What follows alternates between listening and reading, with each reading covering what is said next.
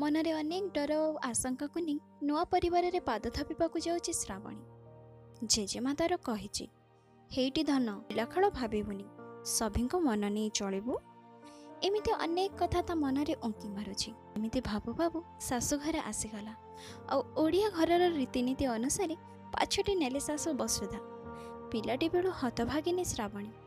ମା କ'ଣ ଜାଣିନି। ଏପଟେ ଜେଜେମା ସବୁବେଳେ ଆକଟି କହିଛି ତୁ ରୋଷେଇବାସ ଶିଖ। ନହେଲେ ଶାଶୁଠୁ ଗଞ୍ଜଣା ଖାଇବୁ।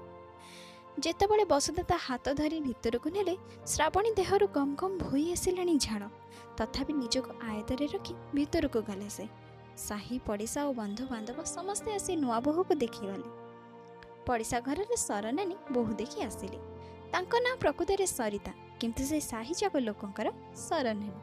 ସେ ଆସି ଅଣ୍ଡାଳି ଗଲେ ଶ୍ରାବଣୀର ସୁନା ଅଳଙ୍କାର ଆଉ ଆଣିଥିବା ଯୌତୁକକୁ ହଇଓ ବସୁଧା ଭାଉଜ ଏ ବୋହୂ କ'ଣ ସେମିତି କିଛି ଭାର ଥର ଆଣିନି କି ହେ? ଘର କ'ଣ ଏତେ ପୁରିଲା ପରି ଦିଶୁନି? ଏସବୁ ଶୁଣି ଶ୍ରାବଣୀର ମୁହଁ ଶୁଖିଲା ଶ୍ରାବଣୀର ଶୁଖିଲା ମୁହଁ ବସୁଧାଙ୍କୁ ହଜମ ହେଲାନି। ନାଲି ଟହଟହ ଆଖିରେ ଗରମ ହୋଇ କହି ପକାଇଲେ ମୁଁ କ'ଣ ମୋ ପୁଅକୁ ବିକ୍ରି କରିଦେଲି କି? ନା ମୋ ପୁଅର ଯୋଗ୍ୟତା ନାହିଁ ମ ବୋହୂର ଖର୍ଚ୍ଚ ସମ୍ଭାଳିବାକୁ କି ଦରକାରୀ ଜିନିଷ କିଣିବାକୁ। ସେ ଭିକାରୀ ପ୍ରଭୃତି ଆମର ନାହିଁ କି ମୋ ପୁଅର ବି ନାହିଁ। ତୁମେ ଏରୁଣ୍ଡି ବାହାର ଲୋକ ଏରୁଣ୍ଡି ବାହାରେ ରୁହ। ଲଜ୍ଜିତ ହୋଇ ସରନାନୀ ସେଠାରୁ ପଳାଇଲେ। ଶ୍ରାବଣୀ ଟିକେ ଆଶ୍ୱସ୍ତି ଅନୁଭବ କଲା। ସତରେ କେତେ ବଡ଼ ହୃଦୟ ମୋ ଶାଶୁଙ୍କର ଆଉ ଭିତରକୁ ଚାଲିଗଲେ। ବସୁଧାଙ୍କର ଏ ଦୃଢ଼ ଜବାବ ଶୁଣି ମୁରୁକି ହସୁଥିଲେ ସନାତନ। ମାନେ ଶ୍ରାବଣୀର ଶ୍ୱଶୁର। ଆଉ ପାଖକୁ ଆସି କହିଲେ ବୁଝିଲ ବସୁଧା ଯଦି ସତରେ ପ୍ରତି ପରିବାରରେ ଏମିତି ଗୋଟି ଗୋଟି ହୁଅନ୍ତା ନା ନୂଆ ପରିବେଶରେ ଖୋରାକ ଯୋଗାଇ ଦିଆଯାଆନ୍ତା ନୂଆ ବୋହୂମାନଙ୍କୁ ଚଳିବାକୁ ଆଉ ତା ଦୋଷ ଦୁର୍ବଳତାକୁ ଅନ୍ୟ ଆଗରେ ନ ବାହୁନି ତାକୁ ସଜାଡ଼ିବାର ମୌକା ଦିଆଯାଆନ୍ତା ନା ତାହେଲେ ପାରିବାରିକ ହିଂସା କି ଅଶାନ୍ତି ହୁଅନ୍ତାନି। ବସୁଧା କହିଲେ ବାସ୍ତବ କଥାଟିଏ କହିଲ ତୁମେ ଏ ଦୁନିଆରେ କିଛି ଶାଶୁଙ୍କ ସକାଶେ ଆଜି ଶାଶୁଘର ନାଁ ଶୁଣିଲେ ହିଁ ଝିଅମାନଙ୍କର ଧରା ବାହାରି ଯାଉଛି। ଦିନ ପରେ ଦିନ ଗଡ଼ିଲା ଶ୍ରାବଣୀ କେବେ ଅନୁଭବ କରିନି ଯେ ସେ ଶାଶୁ ଘରେ ଅଛି ବୋଲି। ସେ ବସୁଧା ଦେବୀଙ୍କୁ କେବେ ବି ପରୋକ୍ଷରେ ଶାଶୁ ବୋଲି ସମ୍ବୋଧନ କରିନି। ବୋଉ ବୋଲି କହେ ଶ୍ରାବଣୀର ସ୍ୱାମୀ କିଶୋର। ଜଣେ ଉଚ୍ଚ ପଦସ୍ଥ ଅଧିକାରୀ ମାଲକାନଗିରିରେ। ବାହାଘରର ଏକ ମାସ ପରେ କିଶୋର ନିଜ କାମରେ ଯୋଗ ଦେବା ପାଇଁ ଗଲେ। ଆଉ ପ୍ରତିଶ୍ରୁତି ଦେଇଗଲେ ବହୁତ ଜଲ୍ଦି ମାନେ ଦୁଇ କି ତିନି ମାସ ଭିତରେ ସରକାରୀ କ୍ୱାର୍ଟର ମିଳିଗଲେ ଶ୍ରାବଣୀକୁ ଆସି ନେଇଯିବେ ସାଙ୍ଗରେ। ଶ୍ରାବଣୀ ଶାଶୁ ଶ୍ୱଶୁରଙ୍କ ପାଖେ ରହିଲା। କେବେ ବି ସେ ଅନୁଭବ କରିନି ଶାଶୁ ଘରେ ଅଛି ବୋଲି। ବୋହୂ ନୁହେଁ ଝିଅ ପରି ସମସ୍ତଙ୍କୁ ସେ ରଖିଥିଲା।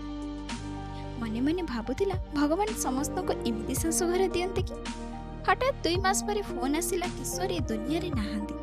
ଅଜଣା ଆତତାଇ ଗୋଳିଲେ ସେ ଶହୀଦ ହୋଇ ଯାଇଛନ୍ତି ସ୍ୱପ୍ନ ଦେଖିବା ଆଗରୁ ସ୍ୱପ୍ନ ସବୁ ପାଣି ଫୁଟକା ପରି ମଉଳିଗଲା ନିଜକୁ ସମ୍ଭାଳିବାକୁ ଚେଷ୍ଟା କଲା ସେ କାରଣ ସେ ବୁଝିଥିଲା କିଶୋରଙ୍କ ସହ ମାତ୍ର କିଛି ମାସର ସମ୍ପର୍କ ତାର କିନ୍ତୁ ତା ବାପା ବୋଉଙ୍କର ସେ ଗୋଟେ ପୁଅ। ସେମାନଙ୍କ କଷ୍ଟକୁ ସେ ନିଜ କଷ୍ଟଠାରୁ ବେଶୀ ଭାବୁଥିଲା। ବସୁଧା ଦେବୀ ସବୁବେଳେ ଶ୍ରାବଣୀର କଷ୍ଟକୁ ଅନୁଭବ କରିବାକୁ ଲାଗିଲେ। କେବେ ବି ବିଧବା ଭାବରେ ତାକୁ ରହିବାକୁ ଦେଲେନି। ଶ୍ରାବଣୀ ଏକ ସରକାରୀ ଚାକିରି ପାଇଲା। ଶାଶୁ ଶ୍ୱଶୁର ବି ତା ମନ ବଦଳାଇବାକୁ ଅଙ୍ଗ ହେ ଅମଙ୍ଗ ହେଲେ ଚାକିରି କରିବେ। ଶ୍ରାବଣୀର ଖୁସିରେ ଖୁସି ଦେଖି କିଏ କେତେ କଥା କହିଲେ ଶ୍ରାବଣୀ ବିରୁଦ୍ଧରେ ବସୁଧାଙ୍କୁ ତାଙ୍କ ମନ କିନ୍ତୁ ପରିବର୍ତ୍ତନ ହେଲାନି। ଗୋଟିଏ ଉତ୍ତରରେ ସମସ୍ତେ ଚୁପ୍ ହେଇଯାଉଥିଲେ। ଯାହାର ଆୟୁଷ ଯେତିକି ସେ ସେତିକିରେ ଯିବ। ଏଥିରେ କାହାର ହାତ ନାହିଁ। ବର୍ଷେ ପରେ କିଶୋରଙ୍କ ସାଙ୍ଗ ବିସ୍ମିତ ଶ୍ରାବଣୀ ସହିତ ନିଜର ପ୍ରସ୍ତାବ ନେଇ ଆସିଲେ। ବସୁଧା ଦେବୀ ଆଉ ସନାତନ ବାବୁ ବେଶ ଭଲ ଭାବେ ଜାଣିଥିଲେ ବିସ୍ମିତକୁ। ଶ୍ରାବଣୀକୁ କୌଣସି ମତେ ରାଜି କରାଇ ନେଲେ? ଶ୍ରାବଣୀ ବିସ୍ମିତ ସେହି ସହରରେ ପ୍ରତିଷ୍ଠିତ କମ୍ପାନୀରେ ମ୍ୟାନେଜର ଆଉ ବାପା ମା ବି ମରିଯାଇଛନ୍ତି। ନିଜର କହିଲେ ଗୋଟେ ଭଉଣୀ। ଯିଏକି ବିବାହିତା ଶ୍ରାବଣୀର ଚୁକ୍ତି ବାହାଘର ପରେ ଦୁହେଁ ବସୁଧା ଦେବୀ ଆଉ ସନାତନ ବାବୁଙ୍କ ସହ ରହିବେ ବାହାଘର ହେଲା ଆଉ କନ୍ୟାଦାନ କଲେ ବସୁଧା ଦେବୀ ଆଉ ସନାତନ ବାବୁ ଶ୍ରାବଣୀ ବସୁଧା ଦେବୀଙ୍କୁ ଝାବୁଡ଼ି ଧରି କାନ୍ଦି ପକାଇଲା ଆଉ କହିଲା ବୋଉ ଯଦି ମୋ ବୋଉ ହେଇଥାନ୍ତା ଏମିତି ମୋ ପାଇଁ କରିଥାନ୍ତା କି ନେଇ ଜାଣିନି। ଆପଣଙ୍କ ସ୍ଥାନ ମୋ ହୃଦୟରେ ବହୁତ ଉଚ୍ଚରେ। ଆପଣ ଆପଣଙ୍କ ବଡ଼ ପଣିଆ ଯୋଗୁଁ ସବୁବେଳେ ମୋ ହୃଦୟରେ ପୂଜା ପାଉଥିବେ। ଶାଶୁ ଭାବରେ ନୁହେଁ ମା ରୂପରେ ଶାଶୁ ଚରିତ୍ରଟି ବି ଏମିତି ହୋଇପାରେ